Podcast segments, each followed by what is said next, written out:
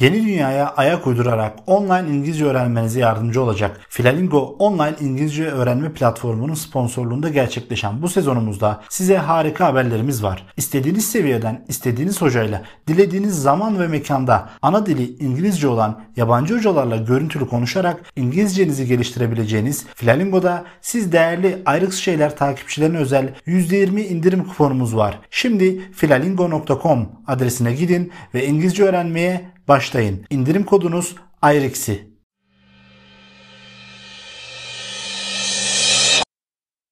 Evet değerli dinleyicilerimiz ayrıksı şeylerin 2. Dünya Savaşı ile ilgili en özel sezonlarından bir tanesine mini sezonumuza hepiniz hoş geldiniz. Bu sezonumuzda sizlere 2. Dünya Savaşı ile ilgili birbirinden bağımsız gibi görünen ancak ayrıksı olarak gördüğümüz konularda çok ilginç bilgiler vermeyi hedefliyoruz. Bu bölümümüzde çok ciddi bir katılımla sizlerin beğenilerini sunuyoruz. Bu bölümde özellikle geçmişten günümüze bir yolculuk yaparcasına Ukrayna'nın tarihine değinip Ukrayna'nın bugüne kadar hangi aşamalardan gelip modern Ukrayna'nın oluştuğuna, İkinci Dünya Savaşı sırasında Ukrayna'da ne gibi cephelerin oluştuğuna ve savaşlar yaşandığına, bu savaşlardaki ilginç bilgilere yer vereceğiz. Ardından da günümüze adeta bir zaman yolculuğu yapıp geri döneceğiz ve bugünlerde yaşanan 24 Şubat'tan beri Rusya'nın Ukrayna topraklarına yapmış olduğu saldırıyla ilgili bazı bilgileri sizlerle paylaşacağız. Bu bölümde bana her zamanki gibi, her sezon olduğu gibi 10. Köy dergisinin çok kıymetli editörleri Gökün ve Emirhan Beyler eşlik ediyorlar. Emirhan hoş geldin. Hoş bulduk abi. Özledik değil mi? Çok özledik abi. Bu arada her değil, benim olmadığım bir sezon çektiğiniz arada yokluğumdan istifade fark etmedim zannetmeyin. Sen yoksun diye ben o sezonda hiç konuşmadım biliyor musun? Susma eylemi yaptım ama kimse fark Yalan etmedi. söylüyorsun. Va- Yapmadın mı? Yaptı. Katılıyorum. Peki. Gökün sen de hoş geldin. Abi çok özledik. Öncelikle hoş buldum. Çok mutluyum şu an. Yani şu an mikrofona konuşuyorum çünkü mikrofon yakamda. Gerçekten çok mutluyum. Seni bu ince ve tatlı göndermeden dolayı tebrik ediyorum ama bu bölümümüzde bir de her masada olan, her masada varız dedirten bir konuğumuz var. Ülkemizin alanında yetiştirdiği en önemli Doğu Avrupa uzmanlarından Elçi Bey bu bölümümüze katkılar sunmak üzere burada. Elçi Bey'e hoş geldiniz diyoruz. Hoş bulduk Allah razı olsun. Aranızda olmaktan ve dinleyiciniz olmaktan büyük keyif alıyorum. İnşallah bu gibi yayınlara daha fazla katılıp hep beraber daha verimli işler yapmak için sabırsızlanıyorum. Çok teşekkür ederiz. Öncelikle bu bölümümüz içerisinde sizlere çok kısa bir şekilde bugünkü modern Ukrayna'nın oluşumunu çok basit bir şekilde kronolojik sıralama içerisinde aktarmak isterim. Bugünkü Ukrayna bildiğimiz gibi son zamanlarda televizyonlarda ve sosyal medyada sıkça gördüğümüz ve savaşla son dönemlerde alınan Ukrayna aslında son 100 yıl içerisinde gerçekten ciddi değişimler ve dönüşümler gerçekleştirmiş bir ülke. Örneğin 1917 yılında Ukrayna'nın topraklarında Ukrayna Halk Cumhuriyeti isimli bir devlet vardı. Ardından Batı Ukrayna Halk Cumhuriyeti 1918 yılında kuruluyor. Sonrasında o dönemki Rusya'daki Bolşevik ihtilalinin de etkisiyle Ukrayna Sovyet Sosyalist Cumhuriyeti 1919 yılında kuruluyor ve 1939'a kadar bu oluşum devam ediyor. Peki 1939'da ne var? Maalesef bu serimize de bundan önceki bazı serilerimize de konu olan İkinci Dünya Savaşı var. İkinci Dünya Savaşı sırasında Ah, ah o 2. Dünya Savaşı ah. Çekoslovakya. Ah, Çekoslovakya. Ah, Çekoslovakya. ah. bir şey söyleyeyim mi? Buyur abi söyle. Gerçekten Çekoslovakya'ya yani bugünkü o topraklar olsa ben ciddi söylüyorum mail falan atmayı düşündüm. Yani. Çekoslovakya? Kültür turizm ateşeli falan varsa Emirhan'a oralarda bir şey yapabilir miyiz? Bir tur, müze gezisi. Gerçekten Çekoslovakya gönlümde bir yaradır. Bu konuda daha fazla konuşmak istemiyorum. Elçi abimiz ne düşünüyor Çekoslovakya ve Emirhan konusunda? Abi Dışişleri Bakanlığı yaptı Çekoslovakya'da. O yüzden şu an burada. Benim gibi yani. Aslında şöyle bir durum var.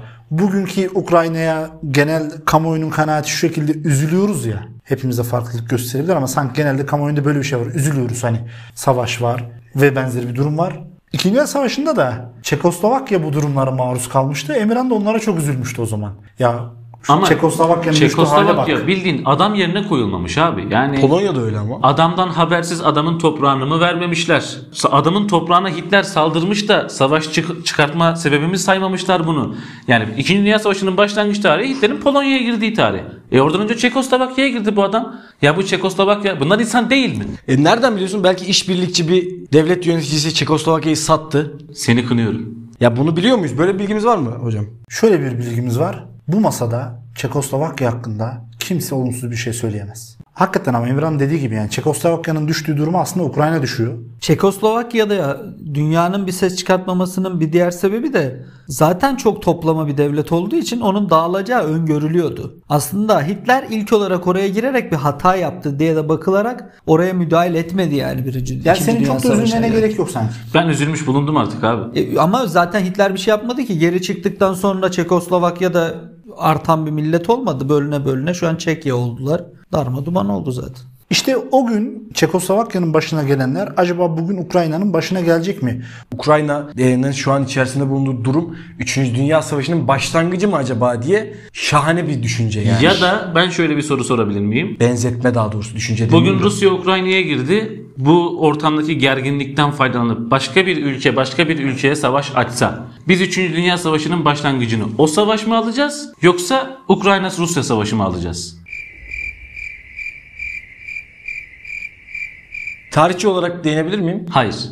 Sonrasında bu Dünya Savaşı sırasında Batı Ukrayna'nın Sovyetlere ilhakı söz konusu. Yani Sovyetler e, Batı Ukrayna'yı kendi saflarına alıyorlar. Ardından savaşın bu sefer sonlarına doğru diyebileceğimiz 1941'lerde Ukrayna devlet olarak bağımsızlığını ilan ediyor. Ama tabii ki savaş bitiyor. Dünya Savaşı'nı müttefik devletler kazanıyor. Naziler yeniliyor. Sovyetler devasa bir güç elde ediyorlar ve devasa bir hakimiyet alanı elde ediyorlar. Bu sınırların içerisine Sovyetler Birliği Ukrayna'yı da alıyor ve 1991 yılına kadar Ukrayna Sovyetler Birliği'nin bünyesinde bulunuyor. Bu bilgileri aktarmamızın bir sebebi de şu ki örneğin bugünlerde daha doğrusu geçtiğimiz 24 Şubat tarihinde Rusya'nın Ukrayna'daki başlayan askeri harekatlarında bazı askeri araçların üzerine, tankların üzerine Sovyet bayraklarını çektiğini görüyoruz. Bu tarihi göndermelerin tamamı bu bölümde sizlerle birlikte olacak. Burada size öncelikle 2. Dünya Savaşı kapsamında aktarmak istediğimiz iki tane önemli muharebe var. Bu muharebeler hem geçmişe ışık tutması hem de geçmişten bugüne bazı izler taşıması açısından çok önemli. Gökhan sen bu muharebelerin ne olduğunu biliyor musun? Birinci Kiev Muharebesi var abi. Onun bir de ikincisi var işte. Doğru cevap. Birinci Kiev Muharebesi ve ikinci Kiev Muharebesi var. Bu birinci Kiev Muharebesi aslında savaşın ilk kısmı. ikinci Kiev Muharebesi de İkinci Dünya Savaşı'nın ikinci kısmı gibi algılayabiliriz. Çünkü birinci Kiev Muharebesi'nde bildiğimiz bugünkü Kiev şehrinin civarındaki çok sayıda Kızıl Ordu yani Sovyet güçlerine karşı Alman birliklerinin büyük bir kuşatması var. Alman birlikleri Barbarossa harekatının bir parçası olarak 23 Ağustos ila 26 Kasım 1941 tarihleri arasında burada cephenin güney kesimindeki başlangıcından sonuna kadar Kiev'in savunma harekatını, savunma duvarını kırmaya çalışıyorlar ve bu muharebenin sonucunda kesin bir Alman zaferi kazanılıyor. Zaten Ukrayna topraklarından bu geçiş ardından Nazilere ilk başta Rusya'nın ilk sınırlarını, giriş sınırlarının aslında kapısını açtığını söyleyebiliriz. Bu yoldan Barbarossa harekatı etrafında Stalingrad'a kadar uzanan bir yol olacak. Sonra da çöküş başlayacak. Zaten çetin ve çetrefilli bir yol olacak.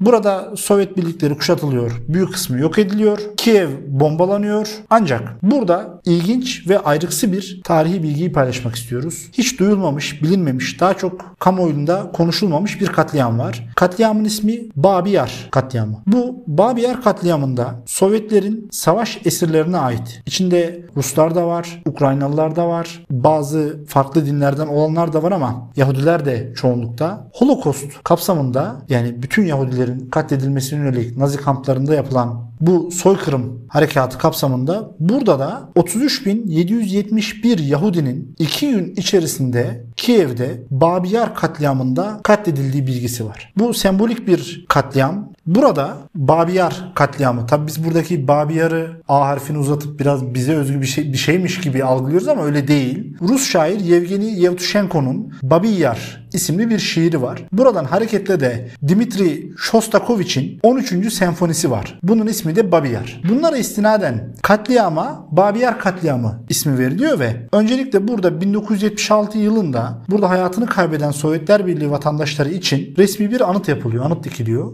Ardından 1991 yılında katledilen Yahudiler için Babiyar Parkı'na başka bir anıt yerleştiriliyor. Burada şöyle bir durum var. Biraz da günümüze ışık tutması açısından burada ben Elçi Bey'in de yorumlarını çok merak ediyorum. Bu Babiyar katliamı anısına dikilmiş olan anıt Şubat 2022'de başlayan ve halen konuştuğumuz Rus ordusunun Ukrayna'ya saldırıları esnasında bombalanıyor. Elçi Bey, Ruslar neden böyle bir şey yapmış olabilir? Geçmişten bugüne bir gönderme mi var acaba? Ben o Babiyar katliamının zaten o sayılarda yapıldığına inanmadığım için gönderme olabileceğinin de arkasında durabilirim. Şöyle bir sonuç çıkartabiliriz. Bir yalanı bombalıyor aslında orada Ruslar. Zelenski'nin de şu anki durumda Yahudi olduğunu ve Yahudi desteğiyle bir şey yapabileceğini hayaliyle gelmesinin aslında bir sonucu olarak Ruslar anıtlarını bombalamış olabilir. Yani ben orada bir siyasi bir gösteri olduğunu düşünüyorum. Çünkü fark ettiyseniz hocam Ruslar çok net bir şekilde Ukrayna'nın içinde de o anıtı istemeyenlerin olduğunun bilincindeler bence. Buna şey de örnek verebilir miyiz? Şu anki Rus ordusunun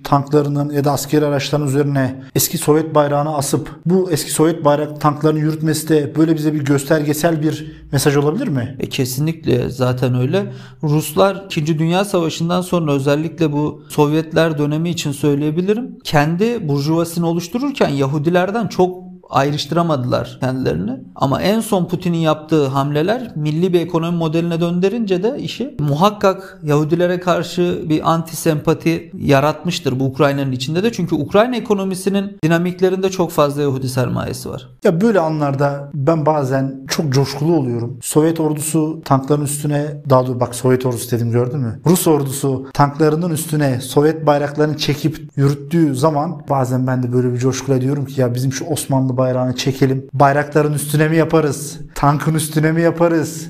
Ya da ne bileyim bizim İttihat Terakki bayrağını da bir taraftan dalgalandırıp Rica ediyorum. İttihat Terakki bayrağı. Hayır hayır İttihat Terakki. Allah, vatan, namus, ittihat nidalarıyla bir yerlere gidesim geliyor benim. Gökhan durdurun beni. O zaman kim kaldı İttihat Terakki'den? Diyerek? e, diye durduralım ya beraber gideriz.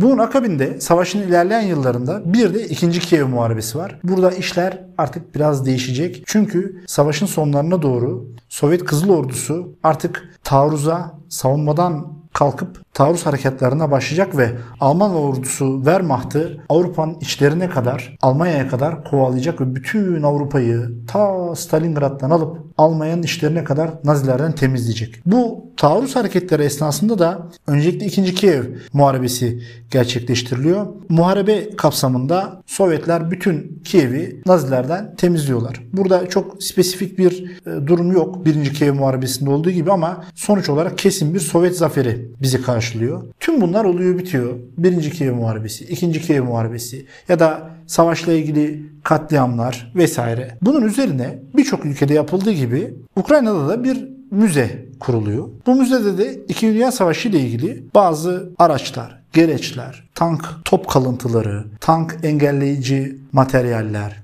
silahlar, mermiler, askeri üniformalar, o günlerden kalan günlükler ya da burada katledilen insanlarla ilgili bazı belgeler sergileniyor. Ukrayna'nın burada ben genellikle şuna da dikkat ediyorum. Gidip gördüğüm, gezdiğim yerlerde de bunu yapmaya çalışıyorum. Müze çok önemli bir şey. Müzeleşmek çok fazla önemli. Müzenin içerisinde yer alan şeylerin zenginliği de çok önemli. Hatta Hatta gerçek olması da çok önemli. Neme lazım? Ha belki bir gün bir yerde lazım olur. Müzeden çıkartır kullanırsın. Yani belki olmuştur be. kim bilebilir ki?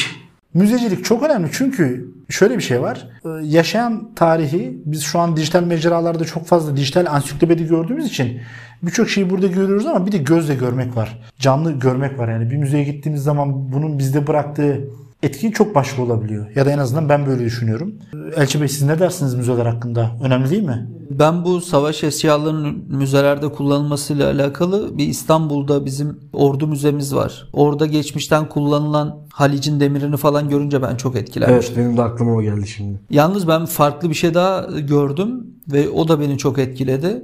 Bursa'nın Yeşil Cami'de bulunan e, pencere üstü süslemelerinin İngiltere'de Louvre Müzesi'nde Arkeoloji müzesi olabilir. British Museum da olabilir. British Museum da olabilir. Ya bunların birinde sergileniyor. Bildiğin Çinileri sökmüş götürmüşler. Şimdi savaşla alakalı da Halepçe'ye gitmiştik biz. İran güneyinde, İran sınırında bir yerde. Orada Saddam'ın Halepçe'ye attığı kimyasal bombaları atan uçağı getirip orada sergiliyorlardı. O benim çok dikkatimi çekmişti. Etkileyici oluyor tabii. Çok fazla örnekleri var bunun. Son dönem Osmanlı son dönemlerinden bugüne birçok eserin bizde kalmasını sağlayan az önce Elçi Bey'in de ifade ettiği gibi buradaki bazı eserlerin alınıp yurt dışına götürüldüğünü, kaçırıldığını, çalındığını, talan edildiğini biliyoruz. Resmi yazılı tarihte bize bunu zaten gösteriyor ama ne kadar çok mücadele ettiğini bildiğim bir isim var. Buradan rahmetli Osman Hamdi Bey'i anmak istiyorum. Allah gani gani rahmet eylesin. Burada da benzeri bir durum var. Bu tarih kaybolmasın. Bu tarihi biz yeni nesillere, genç kuşaklara görsel bir şekilde aktarabilelim diye Ukrayna'da böyle bir tarih müzesi kuruyorlar. Ama bu müzenin içerisinde dediğimiz gibi az önce de anlattık bir sürü materyal var. Burada önemli olan bir husus var. Bugüne bu nasıl yansımış olabilir? Az önce Emirhan biraz tüyo verir gibi oldu ama Benim bir fikrim var ama nedir? Ukrayna'nın yiğitlerine buradan selam göndererek Rusların tanklarını durdurmak için müzedeki o sergilenen tank barikatlarını çıkartıp üzerindeki anlatı barkodlarıyla birlikte tankların önüne koydukları haberini görmüştük. Ben bunu 40 yıl düşünsem aklıma gelmezdi ama gerçekten böyle bir durum var. Ukraynalılar Gökhan'ın söylediği gibi şu anda Rus tanklarını engellemek için Kiev'deki 2. Dünya Savaşı Müzesi'nden üzerinde etiketi, taze etiketi bulunan bir tank engelini, daha doğrusu birden fazla tank engelini müzeden çıkartıp sokaklara dizmiş vaziyetteler. Ya Emirhan bu nasıl bir şeydir?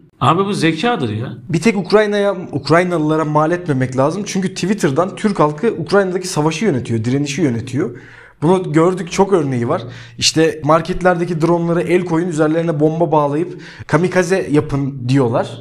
Rus askerlerin üzerine ve tweet'e attıktan sonra çeviri Twitter'da çeviri var. Anlaşarak böyle oradaki yerel direnişçiler hakikaten alıp bunu yapıp fotoğrafını atıyorlar. Ee, Çivi yerlere serin diyorlar alıp yapıyorlar bunu. Yani Türkiye'deki halk baya 15 Temmuz'da yaptığı şeyleri ya da yapmayı düşündüğü bu işte hırkasını, ceketini tankın egzozuna tıkan adamlar buradan Ukrayna'dakilere tweet atıyor. Bunu yap olur diye onlar da yapıyor oluyor. Şöyle bir şey var. Beni daha da çok şaşırtan şu. İkinci Dünya Savaşı öyle bir savaş ki. Bakın açık konuşayım. Birçok kişi İkinci Dünya Savaşı ile ilgili artık söylenecek söz kalmadığını, birçok incelemenin yapıldığını, filmin çekildiğini. Oyunların oynandığını, podcastlerin yapıldığını falan düşünüyor ama nasıl bir etkisi var? Hala bitmedi. Buraya yazıyorum. Bitmeyecek. İkinci Dünya Savaşı'nın etkisi de bu savaşın bugüne bıraktığı izlerde hala devam ediyor. Ekstradan bu tank engeline ilaveten şunu da söyleyelim. 2014'te Kırım'ın Rusya tarafından işgali sırasında da Ukraynalılar 2. Dünya Savaşı'ndan kalma bir tank savar tüfeğini kullanıyorlar. Bu silahları kullanıyorlar. Gene 2. Dünya Savaşı'ndan kalma materyaller kullanıyor. Ha bu şu demek değil. 2. Dünya Savaşı'ndan kalma materyaller günümüzde uygulanacak bir savaşta çok etkili olacak falan değil. Sanki 2. Dünya Savaşı geçmişten bugüne eski bir dostmuş gibi hani bir gün elbet çal- kapısı çalınacakmış biriymiş gibi geliyor. Çok affedersin ama öyle dost olmaz olsun ya. Bence de olmaz olsun. Savaşlar birbirlerine karşı böyle bir vefa duygusu içeriyor sanki abi. Birinci Dünya Savaşı İkinci Dünya Savaşı'na içeriyordu. Ya da İkinci Dünya Savaşı Birinci Dünya Savaşı'na içeriyordu. Peki pasta parola Elçi Bey diyorum. Madem öyle bir Dünya Savaşı 2. Dünya Savaşı'na böyle bir etki iz bıraktıysa biliyoruz ki 2. Dünya Savaşı da aslında çok basit nedenlerle 1. Dünya Savaşı da öyle çok basit nedenlerle çıkmış gibi gösterilip bazı hadiseleri göz yumularak 2. Dünya Savaşı'nın ortaya çıktığını Çekoslovakya'nın arada mahvedilerek Ah. Çekoslovakya ah. Bunu da göz önünde bulundurursak Elçi Bey bu yaşananlar bir 3. Dünya Savaşı'na delalet ediyor olabilir mi? Üçüncü Dünya Savaşı'nın çıkma ihtimalini ben çok düşük olarak görüyorum. Dünya ekonomik düzeni buna uygun değil şu an konjektür olarak. Bu olayların temel prensipleri var aslında ki şöyle. Ukrayna'da müzeden çıkartıp sergilenen tank durdurma aparatı Nazilere karşı kullanıldı. Aslında Ukrayna oradaki bağırışını demin bahsettiğimiz Babi Yar'la perçinleyen bir duruşla bu gelen Nazi ordusu gibi faşist bir ordu demeye çalışıyor. Orada bir tane savunma mekanizması falan kurulmuş değil. Yaklaşık 7 parçadan oluşan bir demir cismin ortada durup etiketini falan görülecek şekilde bir tane fotoğraf karesi var elimizde. Bunları ben yine aynısını söylüyorum. Bir Yahudi propagandası olarak görüyorum. Üçüncü Dünya Savaşı da Ukrayna'da çıkmaz. Sebebi de şu. Şu an Çin Tayland'a girmiş vaziyette. Rusya'nın 2 sene önceki halini yaşıyor aslında Çin. Onun provasını yapıyor. Önü, geçen kış olimpiyatlarında olsa gerek. Çin'e gittiğinde Putin ve 2 sene falan görmemişlerdi birbirlerini. Orada Çin'le güzel irtibatlar kurduktan sonra bütün her şeye atıldılar. Ben 3. Dünya Savaşı'nın Ukrayna'da çıkmayacağını düşünüyorum. Sebebim ekonomik olarak böyle bir düzene şu an yönetebilecek, böyle bir düzeni yönetebilecek güç yok ortada. Herkesin ekonomisi birbirine karışmış durumda ki biz bunu doğalgaz, petrol, ya kimse bu savaşı da istemeyecek ki Ukrayna'da da çıkmayacak. Rusya'nın hedefi Ukrayna'yı ikiye bölmek olacaktır. Avrupa olan tarafına bir yol verecek. Tıpkı Birinci Dünya Savaşı'ndan sonra Sovyetlerin Batı Ukrayna'yı ilhakı gibi bir şey olabilir mi? Şimdi ben şöyle bir anekdot vereyim biraz magazinsel bir bilgi olsun bu Çok da. güzel olur.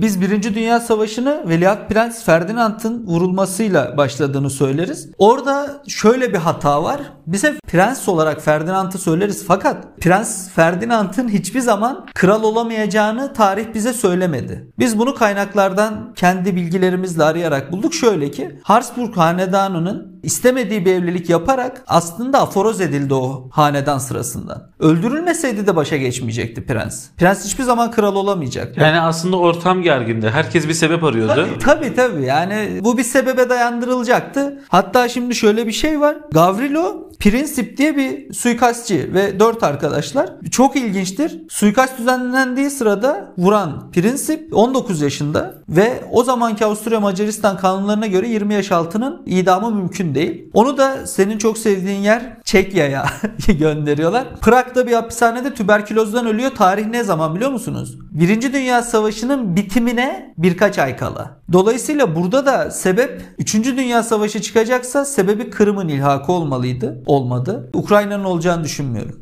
Şöyle bir şey var.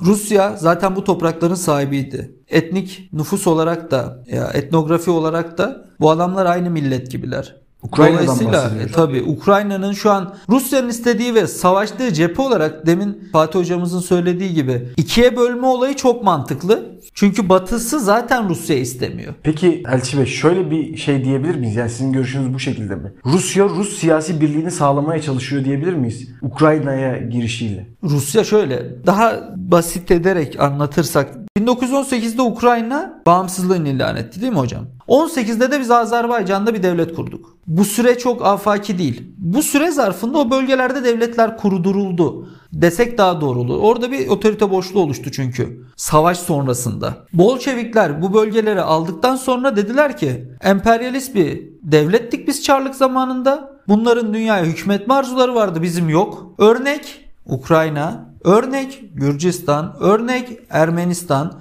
Say sayabildiğin kadar Azerbaycan herkeste de özgür olabilir. Bunlar emperyalist olmadıklarını, komünist olduklarını söylediler. Ve komünist rejimleri desteklemeye çalıştılar falan. Orada da şöyle bir tezleri var. Halkların kendi kaderini tayin hakkı diye bir hakkı olduklarını söylediler. Aynen öyle hocam. Türklerle ilgili, o bölgenin Türkleriyle ilgili bir tasarruf var ama Şimdi şöyle söyleyeyim. Toprak üzerinden bir yapı istemedi Ruslar. Ya emperyalist olmayacaklarını iddia ettiler. Biz bunun sonucu olarak değil de başlangıcı olarak şunu görüyoruz. Ruslar, Bolşevikler önce bir serbest bıraktılar. Bu aynı avının biraz daha gelişmesini bekleyen avcı gibi zamana dayandı. Aradan çok kısa bir süre sonra Ruslar Azerbaycan'a girdi. Bütün hepsine hakimiyet kurdular. Çok ilginç bir bilgi daha vereyim hocam. Birinci Dünya Savaşı, Savaşı'nı çıkartan Prinsip'in 2014 falan olması lazım. Sırbistan'da heykeli dikildi. Bunların hepsi bir köşe noktası oluşturuyor aslında şu anki konjektürde.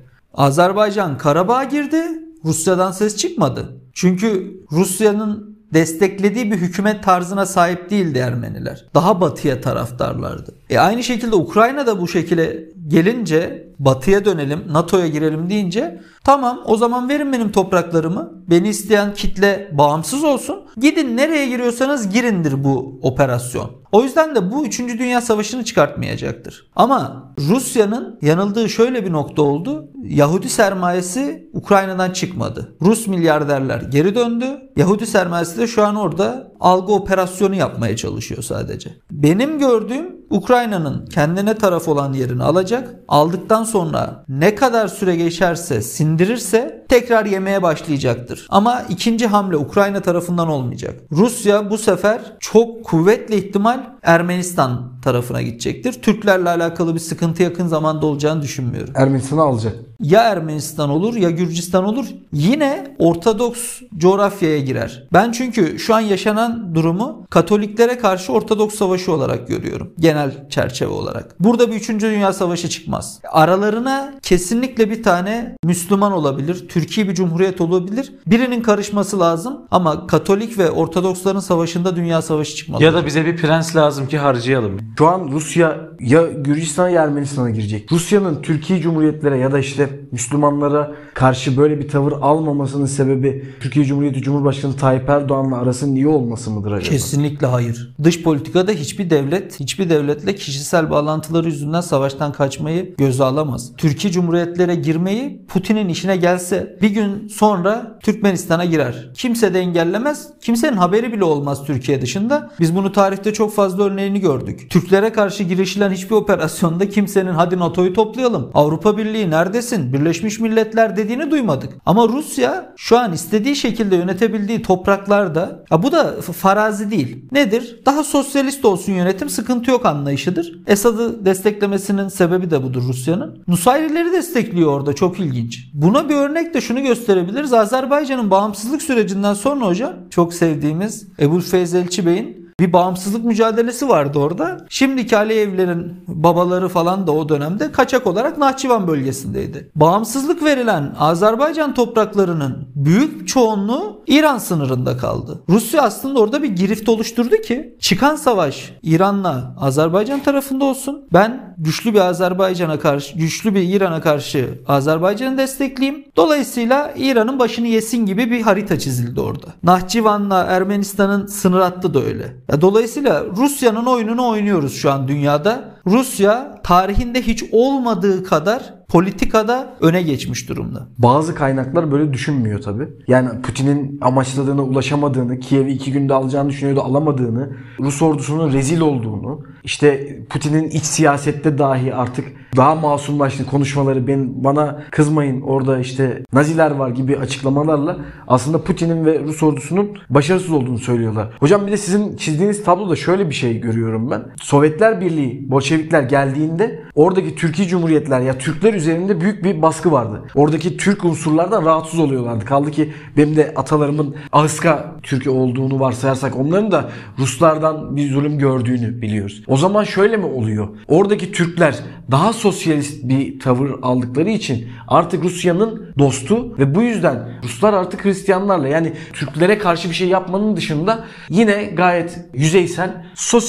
sosyaliste yakın mısın? Yakınım tamam sen bizdensin deyip diğerlerine mi dönüyor diyoruz? Tarihin tersi mi oluyor yani? E tabi. Çünkü biz bunun bir iz düşümü olarak da Yunanistan'ı gösterebiliriz. Hatırlarsanız Yunanistan'da yakın dönemde bir seçim oldu. Milliyetçiler geldi ama ondan önceki seçim döneminde ilk defa Yunanistan gibi ülkede sosyalistler iş başına geçti ve Avrupa'ya res çekişler başladı. E, Şimdi bu yandaşlık, panslavizmin tekrar doğuşu, büyük Slav devletinin hayali ve tarihte hiç olmamış bir hayalin bu kadar yakına yaklaşmasına, hayalden çıkıp pratiğe dökülmesinin bir örneği oldu. Sosyalist olmasına gerek yok. Şu an net olarak bir mezhep savaşı var dünyada. Katoliklerle Ortodokslar birbirine girecek. Burada karlı çıkan Türkiye coğrafya olacaktır. Ham madde olarak da savaşa girmeyip kesinlikle kendi iş dinamiklerini düzelterek olacaktır ki biz bunu Rusya'nın da bunu istediğini biliyoruz. Çünkü Asya'da büyük bir coğrafyada Türkler yaşıyor.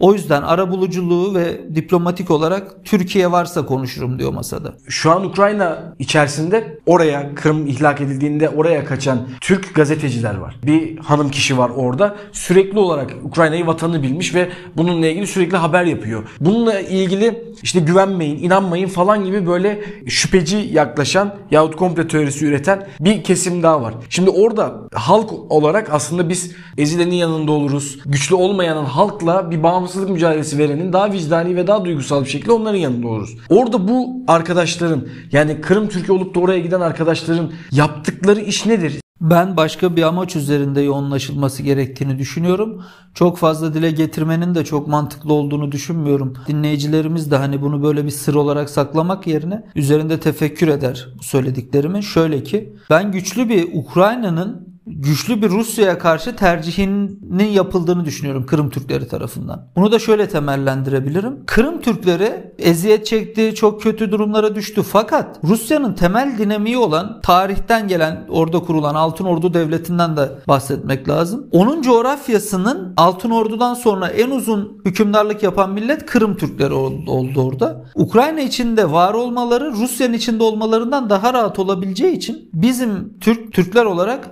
Ukrayna'daki politikamız Ukrayna'nın bağımsızlığıdır. Fakat Kırım'ın ilhakında kimsenin ayağa kalkmaması ve ortada boş bırakılan bir milletin olması bir sonraki adımda şunu doğuracaktır. Kırım da bağımsızlık isteyecek o bölgede. Biz onu destekleriz ve desteklemek zorundasın. Çünkü o bölgede Kırım Türk'ünün olması tabii bizim işimize yarar. Elçi hocam adaşınıza da atıf yaparak adım adım Turan'a mı yaklaşıyoruz acaba?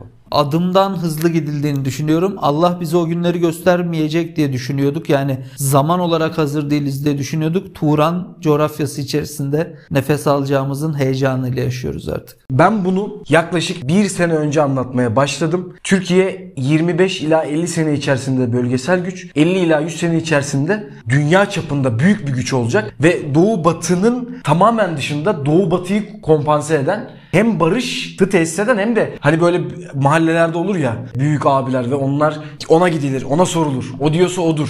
Adaleti, yargıyı o dağıtır eski kabadayılar. Ve parası yoksa bile. Türkiye'de o duruma gelecek gibi görünüyor. Şimdi geldiğimiz noktaya bakıyoruz. Hele bizim uğraştığımız işlerde yani basın, kültür, edebiyat, sanat işlerinde yani benim elim ayağım titriyor ki şu Kafkaslara bir dergi gönderelim, bir gazete çıkartalım bunlar da okusun. Artık gazete bitti tabi de Gazpralıların umuduyla, Gazpralı'nın söylediğiyle bir tane internet sitesi kuralım. Sanat işleyelim orada. Biz haber yapalım bütün Türkiye coğrafyaları okusun diye. Biz de oraya doğru dönmeye başladık. Ve biz bu dönemin bu çağın gençleri olarak bunu kurmaya çalışıyorum kendi çevremde. 7'den 70'e kafalarımız eş zamanlı çalışıyor. Kültürel fark olmaksızın, eğitim farkı olmaksızın. Tabi bakış açılarımız değişiyor. Yaklaşım tarzlarımız ve işleyişlerimiz değişiyor. Ama bizim eğitim farkı ve yaş farkı olmaksızın Türkler olarak söylüyorum. Özellikle Türkiye Türkleri olarak söylüyorum. Kafalarımız eş zamanlı çalışıyor. Yani ben Kerkük'ün haberini yapacağım. Ben Kerkük'e gideceğim.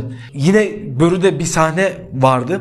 Gerçekten çok hoşuma gitti. Bir şehit var. Şehidin şehit olduğu yer Tebriz. Türkiye'de özel harekat polisi olarak işleniyor. Bu olacak zaten. Ve öyle zaten. Sen şu an Tebriz'in çarşısına gir. Şunu anımsayacaksınız. Biz daha önce gittik bölgenin yaşayanı olarak tabii ki. Konya'nın çarşısına girmiş gibi hissedeceksiniz kendinizi. Ve Türkçe konuşarak istediğiniz alışverişi yapabileceksiniz. Tebriz Türk kenti. Biz or o toprakların üzerinde çok büyük dört tane devlet kurduk. Kendimiz yönettik. Oraya, oraya bir kültür nakşettik. Biz zannediyorduk ki Türkiye bölünecek, işte Suriye bir daha bölünecek falan filan. Böldük böldük. Baktık ki Suriye ile İran, Irak'la Birleşik Arap Emirlikleri'nin burada yaşayan milletler 3 tane. Arap, Kürt, Türk. Bölüyoruz, parçalıyoruz, dörde çıkartamıyoruz. Ama küçücük Sırbistan kendi içinde Kosova'ya bölünebiliyor. Karabağ'a bölünebiliyor. Düşünebiliyor musunuz? Bosna'nın içinde Hırvatlar var, Sırplar var, Boşnaklar var ki Boşnaklar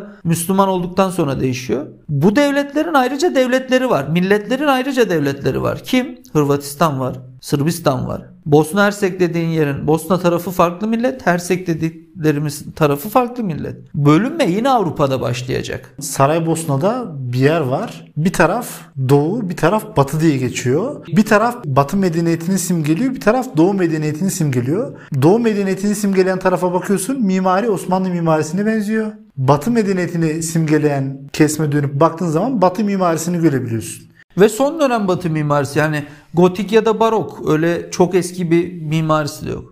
Evet ben burada Elçi Bey'in söylediklerine katılıyorum. İkinci Dünya Savaşı'ndan süre gelerek aldığımız Ukrayna'nın içinde bulunduğu durum pek tabi bizim açımızdan da değerlendirilebilir. Bölge Türkler açısından da değerlendirilebilir. Türkiye'deki Türkler açısından da değerlendirilebilir. Bunlar zaten birbirinden bağımsız olarak ele almamız. Burada sadece Ukrayna'yı konuşup bir kenara bırakmamız mümkün değil. Burada Rus kökenli olanlar var. Günümüzdeki Ukraynalı olarak tabir ettiğimiz insanlar var. Türkler var. Ortodokslar var. Katolikler var. Varoğlu var. Yahudiler Zaten var hocam. her herkes burada. Herkes buradayken bizim de böyle bir yayında sadece Ukrayna ile sınırlı kalmamız beklenemezdi. Bölgedeki Türklerin, Türk Cumhuriyetlerin durumunu, ileride oluşabilecek Kırım'ın durumunu, özellikle alanında uzman Elçi Bey gibi bir konuğu bulmuşken konuşmamamız zaten hiç yakışık almazdı. Son olarak bu bölümümüze kıymetli katkılarını sunan katılımcılarımıza birer dakikalık söz vererek topu artık üzerinden atıyorum. Gökhan Bey siz bir dakikada bu bölümü nasıl özetlersiniz? Turan'ın siyasi birliğini kurmak bizim şu anki büyüklerimizin görevi ise Turan'ın kültürel birliğini kurmak da biz Gökçe Türklerin görevidir.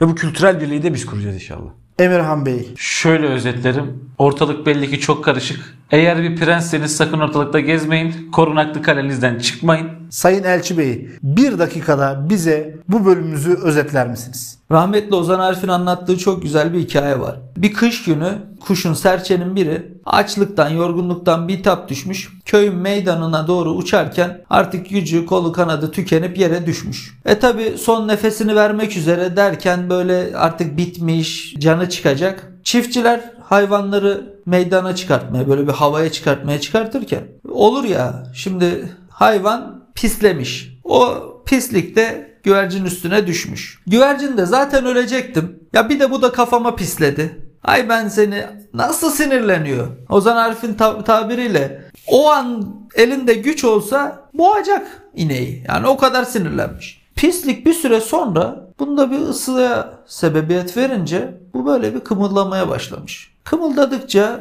kendine gelmeye başlayınca başlamış ötmeye. Cik cik cik cik cik cik. Oradan geçen bir kedi bunu görüyor. Hemen o pisliğin içine girip alıyor ve yiyor. Şimdi hikaye bu. Ozan Arif'in söylediği şöyle bir çıkarımımız var. Kıstayı anlattık hisse hiçbir şey düşmedi. 1. Her kafanıza pisleyeni düşman zannetmeyin. Vardır bir hayrı belki de sizin bilmediğiniz. Her sizi pislikten çıkartanı da dost bilmeyin.